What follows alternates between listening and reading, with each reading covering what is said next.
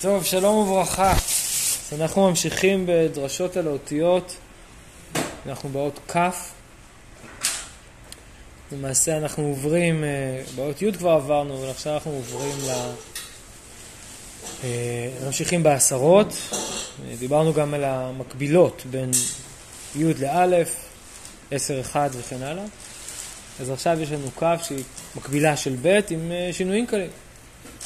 לעומת הב' שהמחיצה מצד ימין, המחיצה של הב' מהאלף, מחיצה ישרה וחזקה, והיא כן אה, מחיצה חוצצת, או אולי אה, סוג של אה, דיפוזיה, כלומר מחיצה שאמורה להיות סנן או פילטר. אז בכף המחיצה היא לא בדיוק מחיצה, היא מעוגלת. יש בה משהו גמיש יותר, מתוח. מה ש... דבר נוסף שיש בכף לעומת הבית זה השוואה אה, מדויקת של המושב והגג.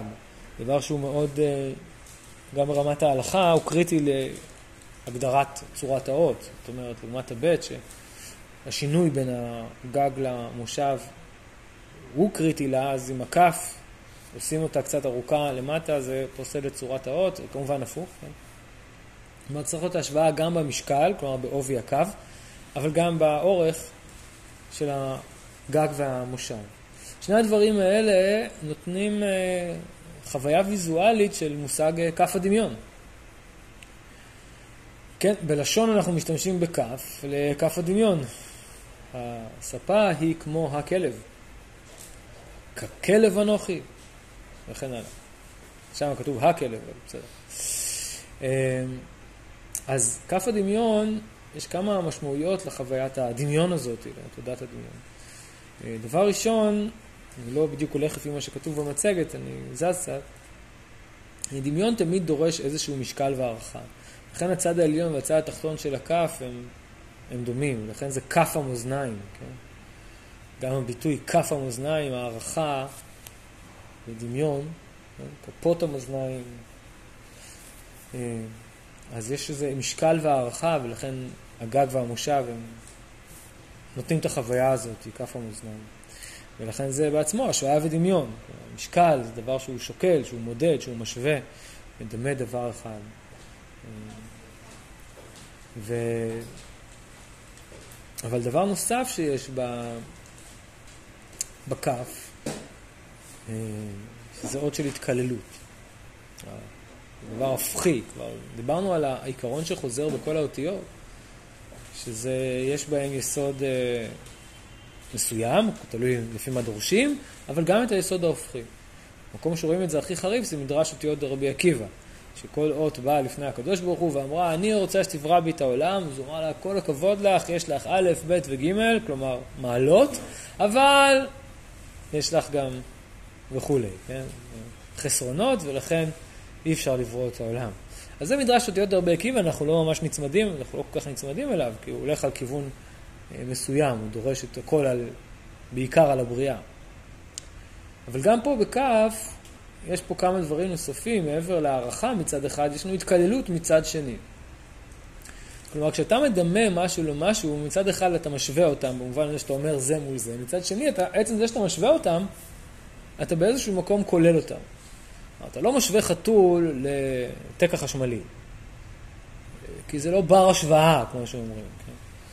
ברגע שאתה משווה משהו, זה אומר שזה על אותו, פחות או יותר, על אותו מגרש, על אותו מישור, על אותו... לכן, כף הדמיון יש בה גם התקללות, אבל גם משקל והערכה, השוואה ודמיון, כפי שאמרנו.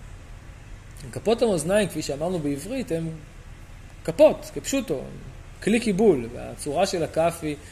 היא כזאת, רק שבניגוד לט', שהיא כלי קיבול קלאסי, כמו כוס ואפילו עם מכסה, כן, ראינו שהט' זה מין צורה של סוגרת כזאת, אז הכף היא פתוחה, כלומר היא כלי קיבול אבל שהוא כף פתוחה, בסדר? היא לא כלי קיבול שמשמעותו לסגור ולשמור, כמו, כמו הצורה של הט', אלא היא כף יד פתוחה, כמו כף שנותנת, או כמו כף שמחזיקה, כן? לכן זה כפות המאזניים. במובן הזה, הכף יד היא כף יד שיש בה פוטנציאל, שיש בה כוח, גם כן בעוד כף. כוח, פוטנציאל, פוטנציאל הוא בעברית, כן? כוח, במובן הזה, אה, זה כוח הנתינה, פוטנציאל, כוח העשייה.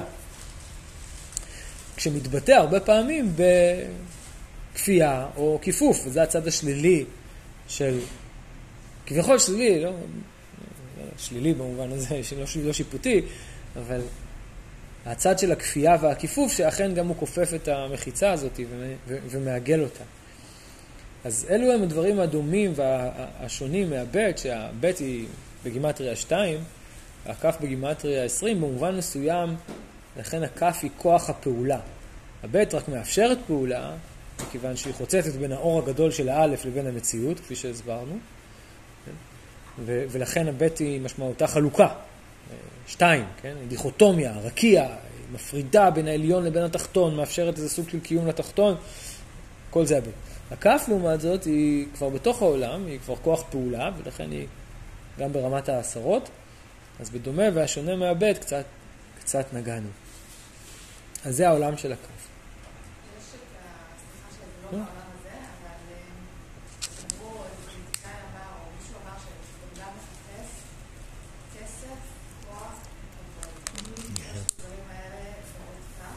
כן.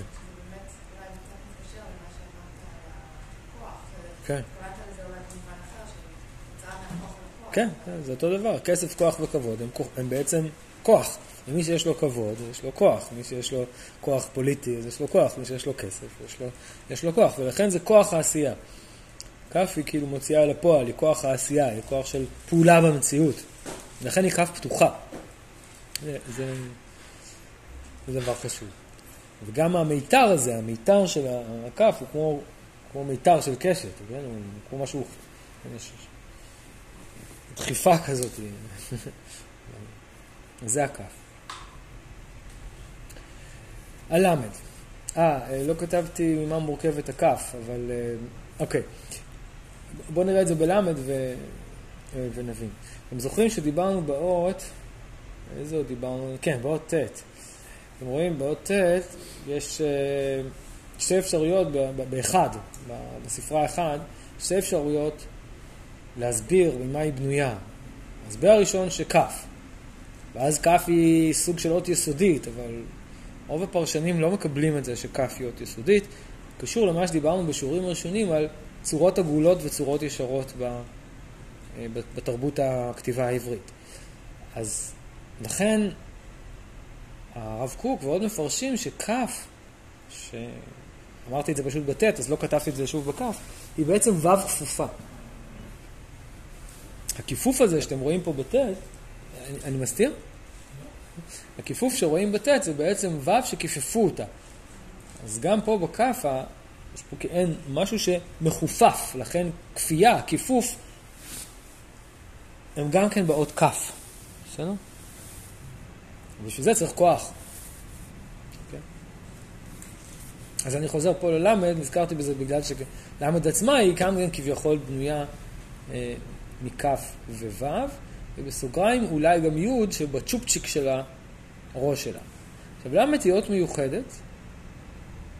אין לנו אף אות כזאת. למה? מה מייחד את הלמד? שהיא עולה מעל הקו. יש לנו כמה אותיות שיורדות מתחת לקו, אבל אין לנו אף אות, מלבד ל', שעולה מעל הקו. וזה דבר חשוב. אז האות ל' בנויה מכף ומו', זה הפשט. אמ, ואפשר להסתכל על ל' בשתי צורות. אחד, מלמעלה למטה. כלומר, ופה אני מכניס את היוד. מהיוד, שהיא כפי שאמרנו, אות הגרעין, האות שמייצגת את הנקודה הראשונית של המציאות, את גרעין האטום, גר... כאילו, היא נקודה בעלמא. מצד עצם ההלכה, נכון שהיום יפסלו על זה, כי רוצים שיהיה ליוד שפיצים, כלומר קוצין, אבל מצד ההלכה הפשוטה, יוד זה נקודה. לא צריך שיהיה לה אפילו את הכיפוף הזה. אז היוד היא החלק העליון ביותר בלמד, היא מייצגת את העולם העליון. אחר כך נמשך מתוך הוו. שהסברנו כבר שוו זה המשכה, והוו הזה נמשך לתוך כף. זה אפשרות אחת להסתכל על הלמד. אפשרות שנייה להסתכל על הלמד זה מלמטה למעלה. כלומר, מתוך המציאות, מתוך כוח העשייה, אנחנו מתרוממים למה שנותן לנו את הכוח, לוו, וכשאנחנו מבינים את זה, אז אנחנו יכולים גם להצביע על היוד, ואולי אפילו להצביע על העין, כי תראו שעל היוד עצמה, שלא כמו ביוד רגילה, יש שפיץ, קוץ, נכון? בסתם יוד רגילה, יש רק קוץ אחד, נכון? נכון? לא, קוץ עליון אחד. ובלמד יש שני קוצים. הקוץ אחד הוא של היוד עצמה. כלומר, בלי זה, יש לכם פה יוד, נכון? תחשבו, אני לא יכול להסתיר פעמיים. מדבר על ה... הנה. לא? זה תג, אבל זה תג שהוא חלק מהלמד. הוא לא נחשב תג. תגים זה בספר תורה, יש אותיות שעליהם אנחנו מוסיפים שפיץ, תג. השפיץ הזה הוא לא חלק מהאות כמו, כמו ביוד. זה לא נקרא תג, זה נקרא קוץ. לא. רק את הקוץ? הקוץ הוא נחשב אולי תג, אבל הוא אחרת מהתג. באותיות בדק חיה, שיש בהם יוד, אנחנו מוסיפים תג אחד. אז מוסיפים לו תג? לא, לא מוסיפים, ככה. אה, אוקיי, כאילו... יש כאלה, יש, בזה דיונים. יש בזה דיונים, הרבה אומרים לא להוסיף, כי זה בעצמו נחשב התג. בדק חיה. כלומר, ח', י', ה', ב', ד', ק', אלה הם אותיות עם תג אחד. שעטנז גץ, ש', ט', ע', נ', ג', ז', אה, אה, אה, צדיק וג', אלה הם אותיות עם שלושה תגים. הסברנו בעבר ש... שעל התגים אפשר להגיד שני דברים, שגם הם דבר והופכו. מצד אחד תגים זה כמו, לפחות התגים המשולשים, הם כמו כתר, הם קישוט, ובאמת ויזואלית זה אות הרבה יותר יפה שיש לה תגים. איזה יופי, יש קושטת כזאת, כן?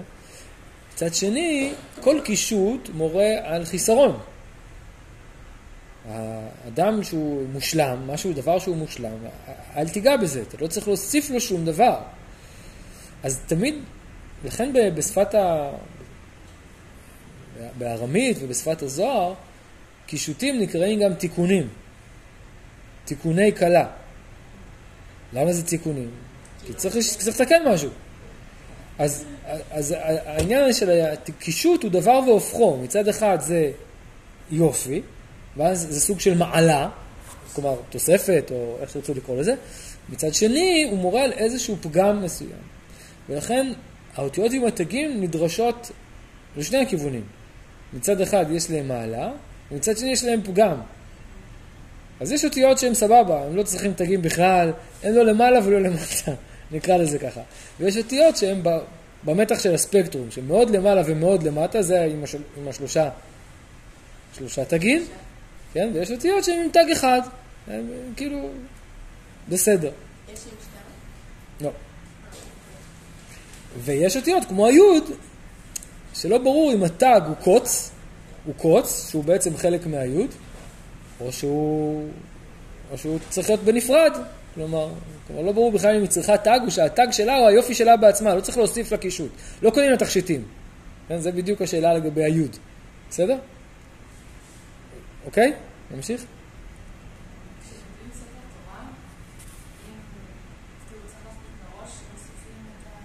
חייבים להוסיף תגים.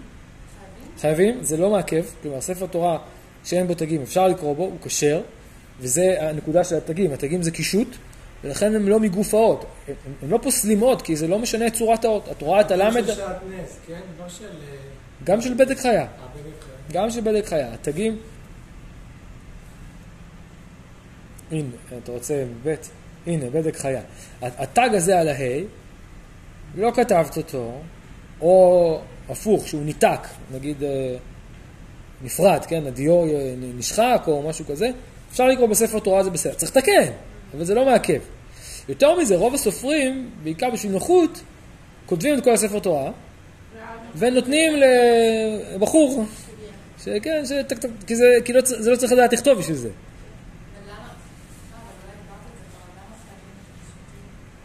הקישוטים? לא חי... שוב, לא חייבים. זה... כן, כי, כי, כי זה, המס- יש את זה במסורת. כבר במסורת של חז"ל יש ספר, אה, ספר תגי, שאומר איזה אותיות צריך לתייג ולא. מבחינה מחקרית, אני לא, באמת לא, לא יודע להגיד לך מאיפה, כאילו, את יודעת, באקדמיה, מאיפה הגיעו התגים, ולמה הוסיפו את התגים. כל, כל כתיבת סתם מתויגת, אבל, אבל כל כתיבת סתם, הדינים הם אותם דינים, התגים לא מעכבים, אבל צריך להוסיף אותם. אבל אני לא מדבר על התגים, על הקוצין. הקוצין כן מעכבים. למשל, אם, אה, אם לא יהיה את, ה, את הקוץ הזה בבית, האות תיפסל. גם העליונים? העליונים לא, זה כן. כי זה חלק מצורת האות. זה בכתב האשכנזי. כן. אבל יש לי דוגמאות אחרות, אפשר להביא דוגמאות נוספות, כן? אם, אה, אם הוו, בואו נלך לוו. אם? אם, אם לא יהיה את השפיץ הזה, האות נפסלת. או הפוך, יוסיף פה דיו. או שיוריד, כן, או, או, או שהוא יצא לו קצת יותר מדי דיו, והזווית הזאת היא כאילו להתמלא. נפסל. גם אם יש קצת, גם אם לא לגמרי, גם אם זה לא ככה, כן? גם אם זה ככה, זה נפסל. כלומר, הקוצים הם נורא נורא, גם בזין זה ככה, הקוצים מאוד מאוד חשובים. רגע, הקוצים העליונים לא פוסלים אף פעם? ביוד כן. רק ביוד? גם בחטא גם לא פוסל הקוץ. אבל תשאל את שמואל, שמואל, החטא בקוץ, מי שלא כתב חטא, הקוץ הזה, נפסל? לא נפסל. אתה זוכר? תג? לא נפסל. זה- זה תג? מה? זה לא תג, זה נקרא תג, כן, זה נקרא תג, כמו ביוד, זה בחטא, בחטא כמו ביוד, כן. אבל שוב, גם בחטא יש מחלוקת. יש כאלה שאומרים, זה לא מספיק, זה לא מספיק, תוסיף לו עוד, לא מצויר את זה פה, מה נעשה? תוסיף לו עוד אחד, צ'ופצ'יק עם תג. אה, גם וגם? מחלוקת. יש כאלה שאומרים, תגין בבדק חיה, יש כאלה שאומרים, תגין בבדק חיה כמו בבית ובה'. הנה, את רואה את הה'? ככה. ויש כאלה שאומרים, לא צריך, לא צריך. זה התג של בדק חיה. אה, בכל האותיות, זה לא כן. בכל אותיות בדק חיה. כן, הבנתי, בכל הרגע חיה. הקוץ הזה זה משהו שמתחילים לכתוב יותר או שזה מוסיפים לסוף? זה לא משנה. להלכה זה לא משנה, בכוונות זה משנה. יש, יש שתי סוגים של כוונות, הזכרתי את זה באחד השיעורים. אה. חלק מהמקובלים רוצים להתחיל, שזה מאוד קשה מבחינה טכנית, אה, רוצים להתחיל עם הקוץ. לא, להתחיל אומר מהק- שהכתב מהתג. האשכנזי הוא כאילו לא באותו כיוון בגלל של הזווית, נכון? בספרדי זה באותו כיוון של הזווית? או- יש כל מיני, כן, קצת ספרדי. אבל אשכנזי הוא קצת... אה, כאילו, כן. קצת כן.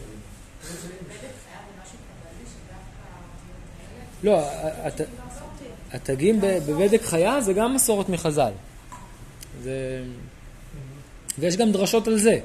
כבר במדרשי, מדרשים שמיוחסים לאמוראים ותנאים, אולי אפילו תנאים, יש אה, ספר תגים וספרים כאלו, וגם אה, מה שנאמר על רבי עקיבא, שהיה דורש כל קוץ וקוץ באותיות, זה גם כן קשור לעניין הזה. אה, אבל שוב, זה לא פוסל כי זה לא משנה את, את צורת האות. ולכן, אם אתם זוכרים, במפגש שלנו לגבי תוכן ומשמעות ואסתטיקה קליגרפית, כלומר, אז כדי לפסול ספר אנחנו צריכים שהוא גם לא, לא, לא יחזיק תוכן ומשמעות, כלומר שהאות תיפסל, בסדר?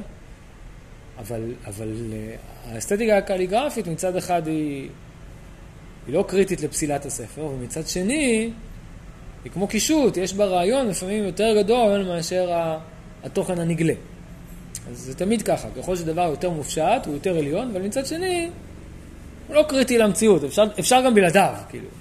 אתה יכול לעשות מצווה בלי לדעת את כל הרעיונות שמאחוריה, וזה בסדר גמור, אין בעיה. למרות שיש מאחוריה רעיונות שאולי אפילו הם המקור וה, והסיבה למצווה. כמו כל האומנות. שמה? היא לא- היא לא- היא לא משהו ש... שהוא קריטי. נכון, נכון. על זה דיברנו במפגש זום שלפני הקורס, על האומנות או נמות, המדבקה מתל אביב. כן? היה פעם מדבקה בתל אביב, אומנות או נמות. שהרבנים קשה עם זה, מה זאת אומרת? אמנות זה תוספת לחיים. אבל האומן לא מרגיש ככה. האומן לא מרגיש שזה תוספת לחיים. הוא מרגיש שהוא... יש, יש בו זרימה שהוא, אם הוא יעצור אותה הוא ימות. זה... זה... יש אה, מיתוסים יוונים, נכון? על האומן שהיה מוכן למות, אני לא זוכר עכשיו בדיוק את הסיפור, היה מוכן למות כדי שהבניין הזה, או הזה, יצליח. הוא אומר, אם תשלים את הבניין, ילדי ימות. בכל זאת. אוקיי, אז הסתכלות של הלמד מלמטה למעלה, זה אפשר להישאר ברמת הכף, ברמת כוח העשייה, אבל אז יש לנו חיסרון מאוד גדול. מתוך כוח העשייה, אדם פועל בחיים, פועל במציאות, אדם אפילו משווה, אבל אם הוא משווה בתוך המציאות, אם הוא שוקל בתוך המציאות, אם הוא מפעיל כוח בתוך המציאות, אז חסר קשר לרובד העליון. לכן הלמד חייבת את הוו, היא חייבת להיות קשורה לרובד עליון. עכשיו, ההצבעה, מתוך הוו, אנחנו מגיעים לאיזושהי הצבעה למעלה, הצבעה ל, אפילו, אפילו לחלל, אפשר לקרוא לזה, כן? אה, הלמד היא האות היחידה שהיא מורה, כן? היא מורה לנו. ולכן המילים שבהם הלמד אה, מופיעה היא למידה, או מלמד הבקר, נגיד, למד. למד זה מקל כזה שאיתו אתה מנחה, כן? כלומר, יש כזה, השורש ל"מ ד' בעברית, פירושו להנחות, להורות, להעביר, כן? ו... והיא מעלה את הכף, במובן הזה היא מעלה את הכף, וככה מסביר הרב קוק שלכן הכף קצרה, כאילו היא נמשכת למעלה, כאילו, תפ... כאילו עשינו מין תנועה כזאת. ברגע שהגיע ו', אז החלקים התחתיתיים של הכף, כלומר, כוח העשייה של הכף שיותר שייך לבסיס, לעולם הזה, מתחיל להתעלות. בסדר? זה מה שכתבתי, אה, היה צריך להיות עם ת', אני פספסתי שם, מתרוממת. כן? הכף כאילו מתקצרת, מתרוממת, כאילו נמשכת לפה. ככה מסביר הרב קוק. ולכן גם לטור זה לחפש, ללמד, לטור, לחפש. יש פה, מה? נכון, לכן, אבל זה מניע אותו קדימה. לעשות, לזוז, כאילו זה דבר שמזיז את הפועל, נכון? ולכן זה תנועה, מגמה לפועל עתיד, ללמוד, לאכול. אתה יכול להגיד למישהו, אכול, זה ציווי, נכון? אבל לאכול זה לימוד לאכול, זה תנועה לאכול. קדימה לאכול. בואו, זה, זה, זה כאילו אומר קדימה, לכיוון. אז זה מגמה לפועל עתידי, זה מגמה לפועל עליון. ויש בה תנועה של למידה וחיפוש. עכשיו, עוד דבר שיש בלמד, זה היפוך מדבר לדבר. כלומר, כאשר יש תנועה של התעלות, אז משהו בעולם התחתון משתנה. זה כמו הכף שמשתנה, וכמו עכשיו בפרשיות שלנו, כשמשה הופך את היאור לדם, אז כתוב, והיו לדם לדם ביבשת. זו תנועה של היפוך. קח את המים, ת, ת, תעשה את מה שאתה צריך לעשות עם המטה, כן? ואז זה מים לדם, כן? בסדר? זה היפוך. הלמד לוקחת משהו, ולכן הלימוד האמיתי הופך את נפש האדם. הלימוד האמיתי מרומם וגם הופך את הנפש האדם. הוא לא רק שם אותו בפוזיציה אחרת, הוא גם משנה אותו. ולכן הכף משתנה ולא נראית כבר כמו כף. אה, האותיות כף, למד, מ', הן מייצגות אה, אה, מין מרכז כזה של אותיות, שהמם היא ממש המרכז, כן, אבל מייצגות את המרכז של האותיות, ולכן קל"מ, כלום או מלך, כידוע לכם, מכירים את זה, לא? מוח לב כבד, הזוהר אומר. מ', ל', ק', כ', סליחה, מוח לב כבד. שהחלק המנטלי-קוגנטיבי על גבי החלק הרגשי, על גבי החלק האימפולסיבי פיזי, פיזי יותר, אז האדם הוא מלך, הוא מולך. מוח, מ', הפוך, כאילו שאנחנו הולכים בתשרק, בתנועה משמאל לימין, מוח לב כבד, אז מלך. אבל אם אנחנו הולכים בתנועה ישרה, אז הפוך. בסדר? כאילו ישרה זה כאילו הטבעי, האינטואיט, זה הפשוט, נכון. ולא הספקתי לדבר על זה בשיעורים הראשונים, אה, על, התחלנו רק, אמרתי, ש- אמרתי זה סוג של סקירה ראשונית על, על, על הכתיבה מימין לשמאל, שמאל לימין, אם היה למטה בכתבים סינים, זוכרים, דיברנו על זה קצת, אבל לא נכנסתי לזה לעומק. יש דיון בפוסקים על הכתיבה מימין לשמאל ומשמאל לימין, וחלק כותבים שהכתיבה מבחינה חיצונית היא מימין לשמאל, אבל בכל אות ואות, איך כותבים?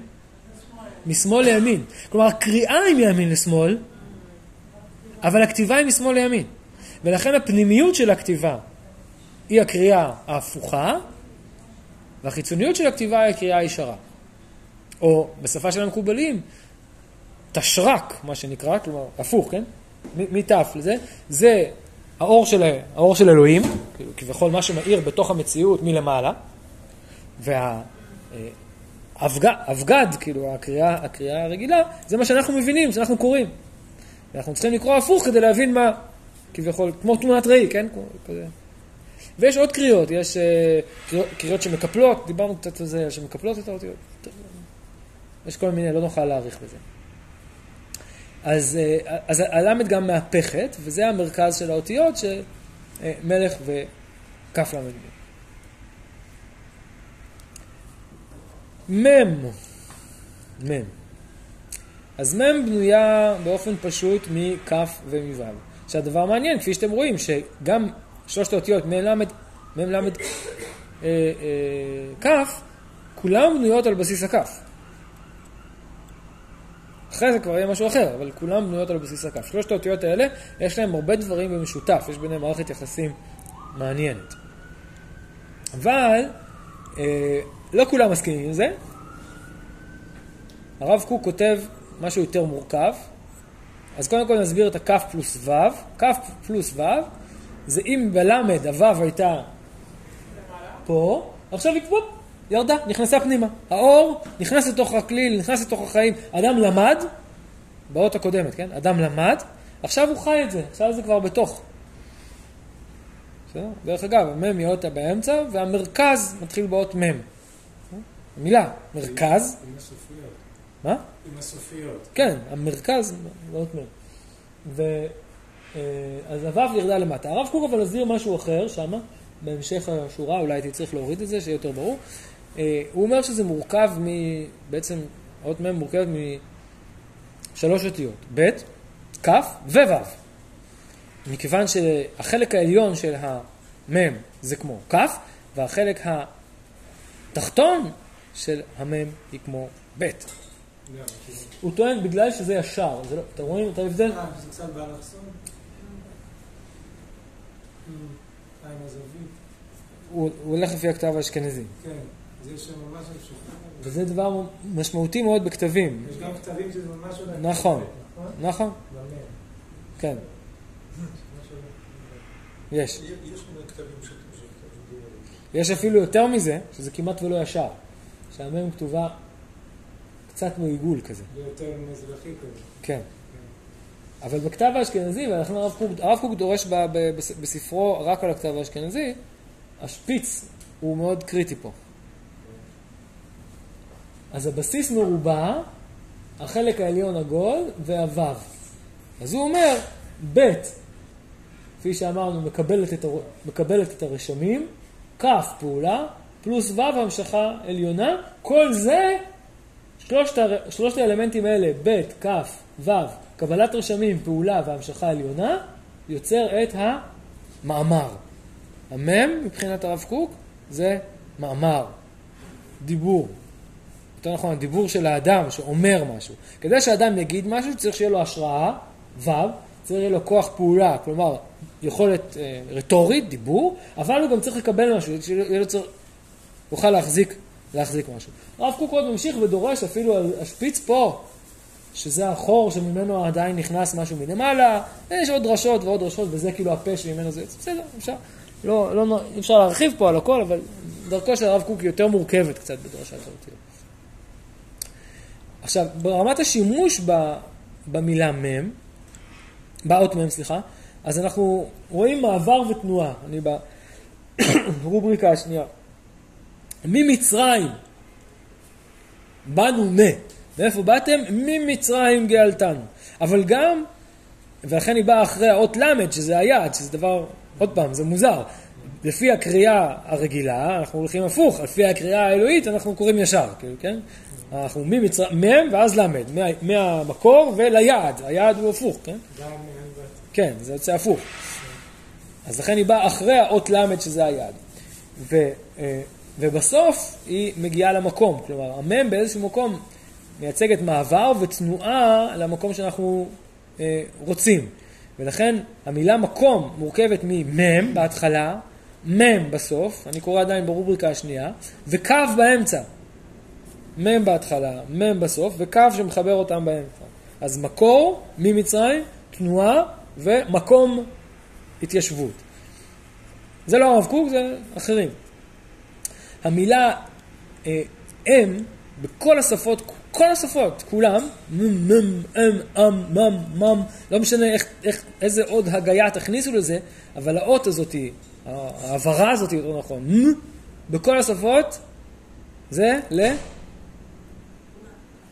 בכל השפות כולם שרוצים להגיד אימא, משתמשים ב... מ. גם בשפות מזרחיות. אני לא יודע, אבל אני חושב שכן.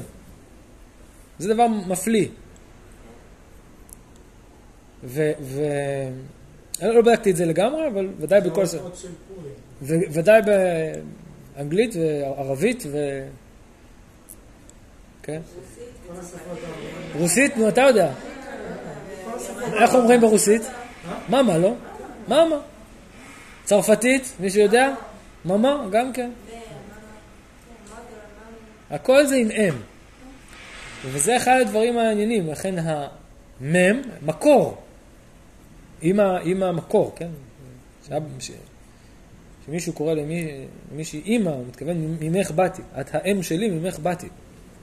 לכן כמעט בכל השפות, אני לא יודע על שפות מזרחיות, תודה על התיקון, צריך לבדוק, זה מציין מקור. וגם בשימוש בעברית, אנחנו הרבה פעמים אומרים מם המקור.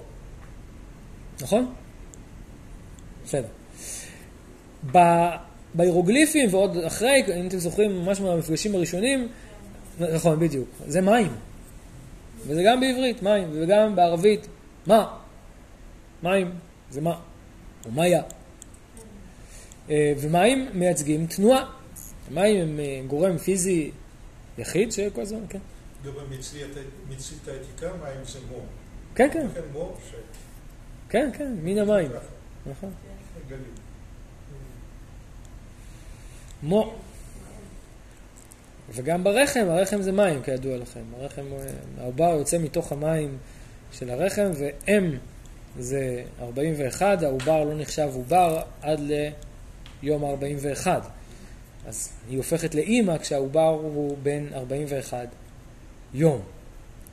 הלכתית. עובר נחשב עובר, כלומר יצור חי, רק מגיל 41 יום. אז, אז המים מייצגים סוג של תנועה, והפעם הראשונה שהמם נמצאת בתורה זה במילה מים. רוח אלוהים מרחפת על פני המים. כן? המים הם לא רק שהם תנועה במובן הזה שאם אתה שופך אותם הם זזים, הם גם היסוד שמקבל, היסוד לא בטבלת היסודות, היסוד בחוויה הפשוטה, כן? שמקבל את כל שלוש מצבי הצבירה, גז, נוזל ומוצק.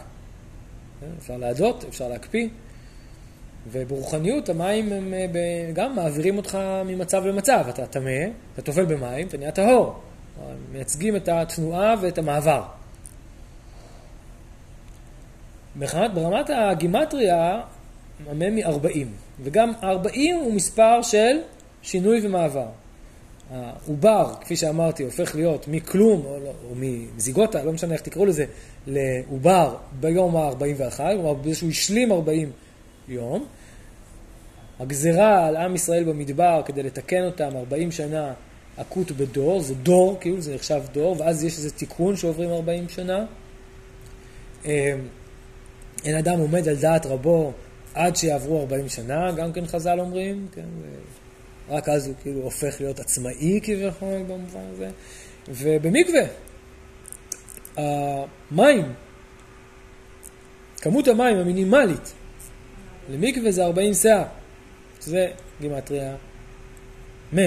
ויותר מזה, המקובלים אומרים, וככה נוהגים להלכה, אני כ...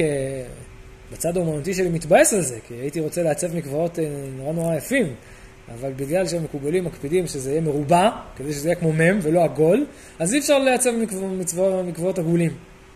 שזה נורא נורא יפה, תחשבו על מקווה כמו שבלול כזה, עם אורות מתחלפים, תמיד רציתי לעשות משהו כזה. במדרגות, כאילו אורות, זה נורא כיף, זה נורא יפה. כמו שבלול, שאתה יורד והמים נהיים יותר ויותר כהים, כי אתה מוריד את התאורה, חוויה. אבל מה לעשות, אי אפשר לעשות את זה, צריך שזה יהיה מרובע בגלל המם. המם הסופית אמנם, אבל לא משנה, בסדר? המם. מה, אבל הבור אמור להיות מרובע, לא? הבור, כן. אבל איך את יכולה לעשות מדרגות בתוך הבור עגולות אם הבור מרובע? לא, אבל יש כאילו במקווה יש את ה... אה, יש... את הבור, כן, אוצר, את האוצר. האוצר אמור להיות מרובע. לא, לא, בור הטבילה, בור הטבילה אמור להיות מרובע. בור הטבילה. אבל, הבאת לי רעיון, אולי אפשר כאילו, אולי יהיה כאלה שיקבלו את זה שהקירות יהיו מרובעים, ואז כאילו נוסיף את המדרגות איכשהו בחיבורים, כאילו, זה יהפוך לתחזוקה בלאגניסטית, אבל בסדר. מה? מגלשה? מפיקחים. אז 40 סאה במקווה זה גם כן, ולכן המם מייצגת את הריבוי דריבוי, 2 כפול 20, 2 זה הבית, 20 זה הכף, בית מם כף זה כאילו הריבוי דריבוי, ה-2 של ה-20 יוצר את המם. 2, 20, 40. ולכן אין לשון יחיד למילה מים. מים זה, אנחנו קוראים למים רבים. כלומר, זה דבר שאנחנו מסתכלים במציאות ולא מגדירים אותו ביחיד. אין לנו לא יודע, אני לא יודע אפילו איך להגיד את זה. מה? כן, אבל זה גם, אתה אמר טיפת, מים, מים זה רבים. רק בעברית. נכון? לא? לא? כן? רבים? כאילו, לא, לא. מעניין. אני לא, לא מכיר יותר מדי, אבל זה בעברית. בעברית אין לשון יחיד למילה אה, מים. ולכן תוספת מ', או יותר נכון מ' י', ים, לסוף מילה, היא גם כן לשון, הופך דבר ללשון רבים. רב, רבים, י' מ', ים. עוד דבר שיש במ', אה, כמו הו' וכמו ה', היא, שאנחנו אומרים מ', כן? מ', מ', זה גם סגור, מ', זה עם השפתיים, כן? אמ, אבל היא מורכבת משתי אותיות אה, שונות, גם סגורה וסתומה כמו בהגייה. כן? יש גם צד. שנגיע, זה יותר, יותר שייך למם אה, הסופית, כן? אבל חשוב היה לי להגיד את זה פה בגלל ההגייה שלה. מ, מ. אז כל העניין הזה של הסגירה. ולכן דרשו על זה אמ, בגמרא במסכת שבת, שמם זה מאמר פתוח, מאמר סתום. כלומר, למם יש שני מצבים, סגור ופתוח. הדיבור יכול להיות כמו flowing, אבל יכול להיות סגור. ודבר אחרון שיש במם, המאמר יוצר מזיגה וערבוב, כמו מים. מזיגה, כן, מזיג. אז הפתוח והסגור, הדיבור או הריבוי והמקור, כל אלה הם מהם, וכולם מייצגות שינויים, שינויים ומעברים. מה השעה? אוקיי. אה, נון. נון, שתי אפשרויות, כ' פלוס ז', או ז' פלוס י', שהי' היא הפוכה למטה. זה מאוד משנה את המשמעות של הדרשה אה, על האות. קשה להתעלם אבל מה, אה, מהזין, שהיא מרכז האות. אז כאשר אנחנו מדברים למשל על נון סופית, נכון שלא הגענו לסופיות, אבל חשוב לי להגיד את זה פה, אנחנו הופכים משהו לקבוע. אדם לומד, זה בסדר, אבל אדם למדן, כן? או אדם אה, אה, רץ, אץ, אבל כשהוא אצן, אז הוא, זה הופך לסוג של תכונה בו, קביעות, כן? מת, מתיישב בו. ויש משהו גם בצורה הוויזואלית של הנון שקשור למשהו שיושב כזה, מתיישב בו. אז זה באות סופית אמנם, אבל הבאתי את זה גם, אה, גם פה. ה' זה חמש יחידות, כן? ה' זה החמש ברמת האחדים היחידות, וכשאנחנו שמים ה' בסוף מילה, הופכת לשון זכר ביחיד ללשון נקבה. חי, חיה. אבל נון אותו דבר ברבים. נון זה חמישים, זה המקבילה של ה' בעשרות, והופכת לשון זכר ברבים ללשון נקבה ברבים. נכון? כשאנחנו אומרים נון סופית, אז אנחנו אומרים בלשון רבים. אה, מה עוד יש בנון, ושוב אנחנו חוזרים קצת לתגים, יש בצד של טוב, שזה הענווה, אבל בענווה יש גם נפילה ונפילה ונמיכות. ובכל המדרשים הנון מאוד מאוד בעייתית. ולכן באשרי כתוב שאין, באשרי שבטיך אין אה, נון, כי היא נפלה. החזיר אותה איפה? במקום אחר, על ידי הסמך. עוד רגע, הקשר בין הנון לבין הסמך. הסמך היא סומכת, נדבר על זה עוד רגע, בסדר? אבל בנון יש משהו שהוא יפה, הוא ענווה, הוא נמיכות במובן החיובי, אבל הוא גם נפילה. ולכן שוב, התגין, באים פה התגין, לפי מה שהסברנו, כתר ותיקון. דבר נוסף שיש בנון, זה, למרות שזה בארמית, הרב קוק דורש את זה, נון בארמית זה דג. פעם היה שימורים כאלה שקראו להם נון, של סרדינים. נון זה דג. והדג הוא בעצם החיות שבתוך המים. מה זאת אומרת? נבראו המים, אבל המים זה לא, לא יצור חי. הם זזים כי זה הטבע שלהם, כפי שהסברנו. שופך את המים, הם זזים. יש בהם תנועה מצד הטבע היסודי שלהם. אבל בתוך הטבע היסודי הזה יש חיות שזזה, דג, שמחוברת לגמרי למים. עכשיו, היא לא רק מחוברת ברמה הזאת, תוציא, כמו, כמו המשפט, הביטוי, מטבע הלשון, כמו דג במים, שזה בא להגיד את זה, אתה לא אומר כמו ציפור באוויר, כן? זה לא, זה לא עובד, כן? אבל גם אפילו ברמה ההלכתית, אם אין מקווה, מותר לטבול בעין של דג. נכון? נשמע מוזר. לא יודע איזה, אולי לוויתן כחול, לא יודע איזה עין של דג היא יכולה, כאילו, אפשר להיכנס בה. או, ש... או, ש... או שמביאים מלא, סליחה, סליחה מי שזה מגעיל אותו, כן? או שמביאים הרבה הרבה עיניים של דגים וממלאים איתם... עין. כן. לא, כפשוטו, זה הלכה, הלכה, כתוב את זה להלכה. שמותר לטבול בעין של דג. מי שאין לו אין מקווה מים רגיל, אז הוא יכול לטבול טבילה כשרה בתוך עין של דג. עין. עין, איי, איי. זה מעיין של דגים. עין לא, לא, לא, עין, עין. עין. כי הדג הוא חתיכת מים. זה מה שהמלאכה הזאת רוצה להגיד. שאתה לא יכול לטבול בדג כי הוא לא נוזלי, אתה לא יכול להיכנס שם, כן? אתה לא יכול לטבול ב... לא יודע מה, בגב שלו, כן? אז היא נוזלית קצת, אולי אפשר להעמיס אותה, אני לא יודע, זה לא פרקטי מבחינתי, זה רק בא להגיד משהו, שהדג הוא בעצם מים חיים. בסדר? הוא חתיכת מים הדג. לכן נון במובן הזה היא החיות שבמים. היא החיות שבתוך המם. המם זה זז, אבל זה לא חי. הנון זה זז וזה חי. וברמת המספר, 50 מייצג את מה שלמעלה מהעולם. מייצג את ה... וזה אולי הכתרים של הנון, והצד החיובי של הנון, כמו שכתוב, איפה נמצא אלוהים?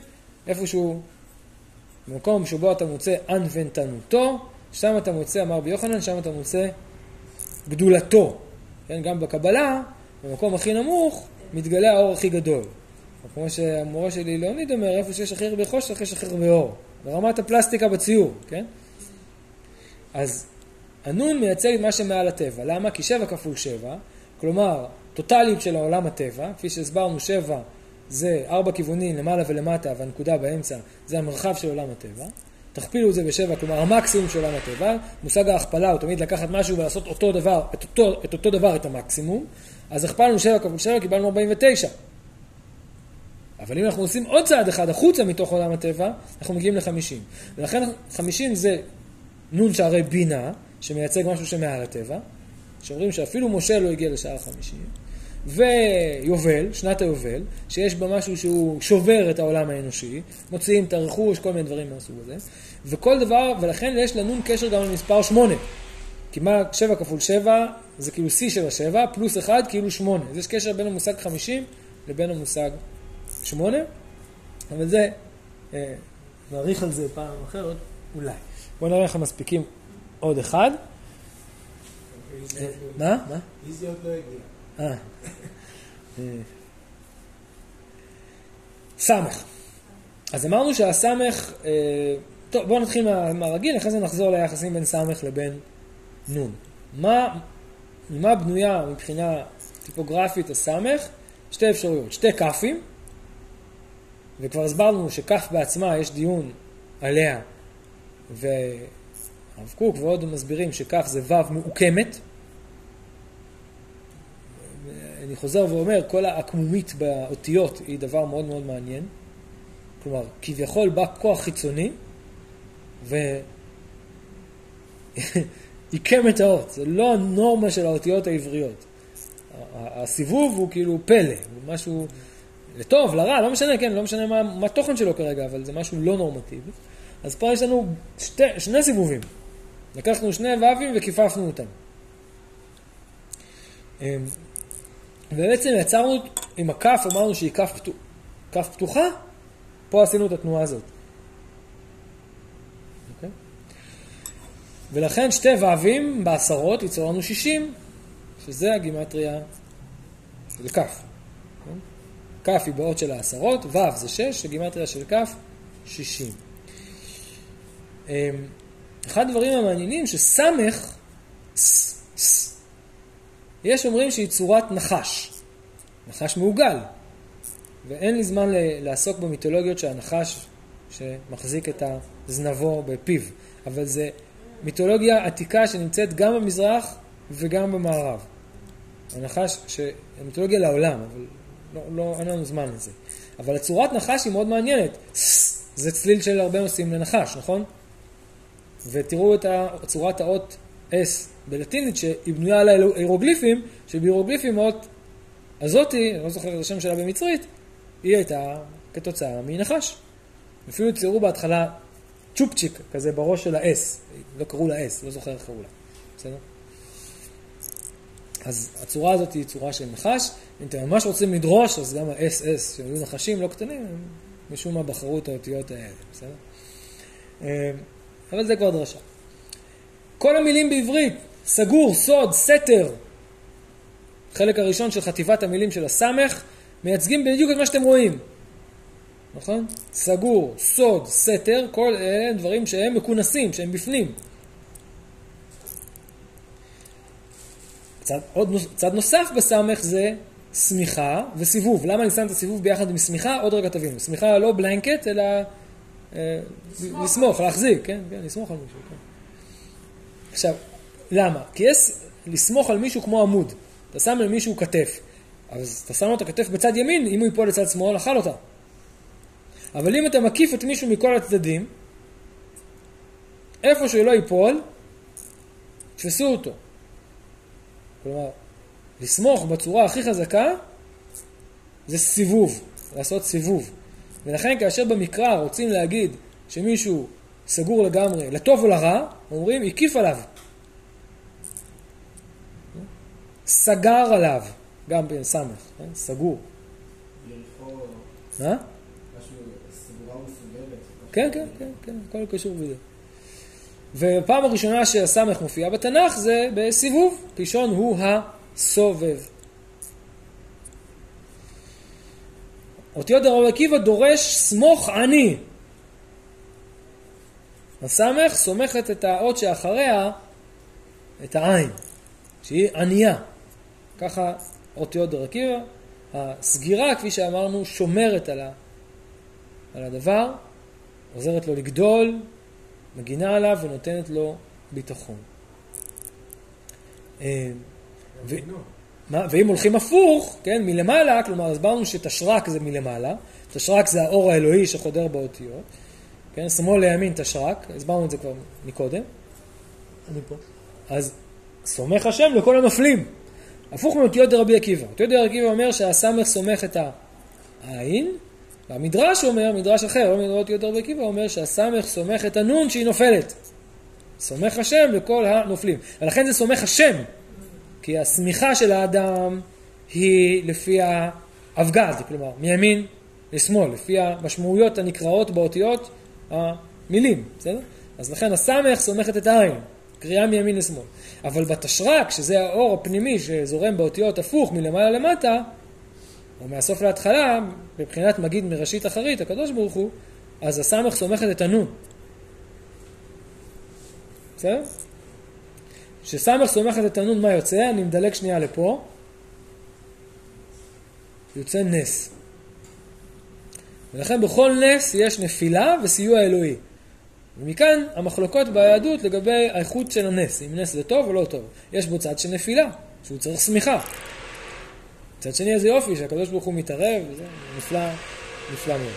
עכשיו, חז"ל אומרים, סמך, מ' בסדר, לא משנה, כאילו, נדבר על סמך, בלוחות היא עמדה בנס. למה הסמך בלוחות עמדה בנס? כי להחזיק את החלל הנגטיבי זה נס. הסברנו שיש בכל אות חלל נגטיבי, לא בכל אות, יש אותיות שיש בהן חלל נגטיבי. סמך זה אות שיש בה חלל נגטיבי טוטאלי.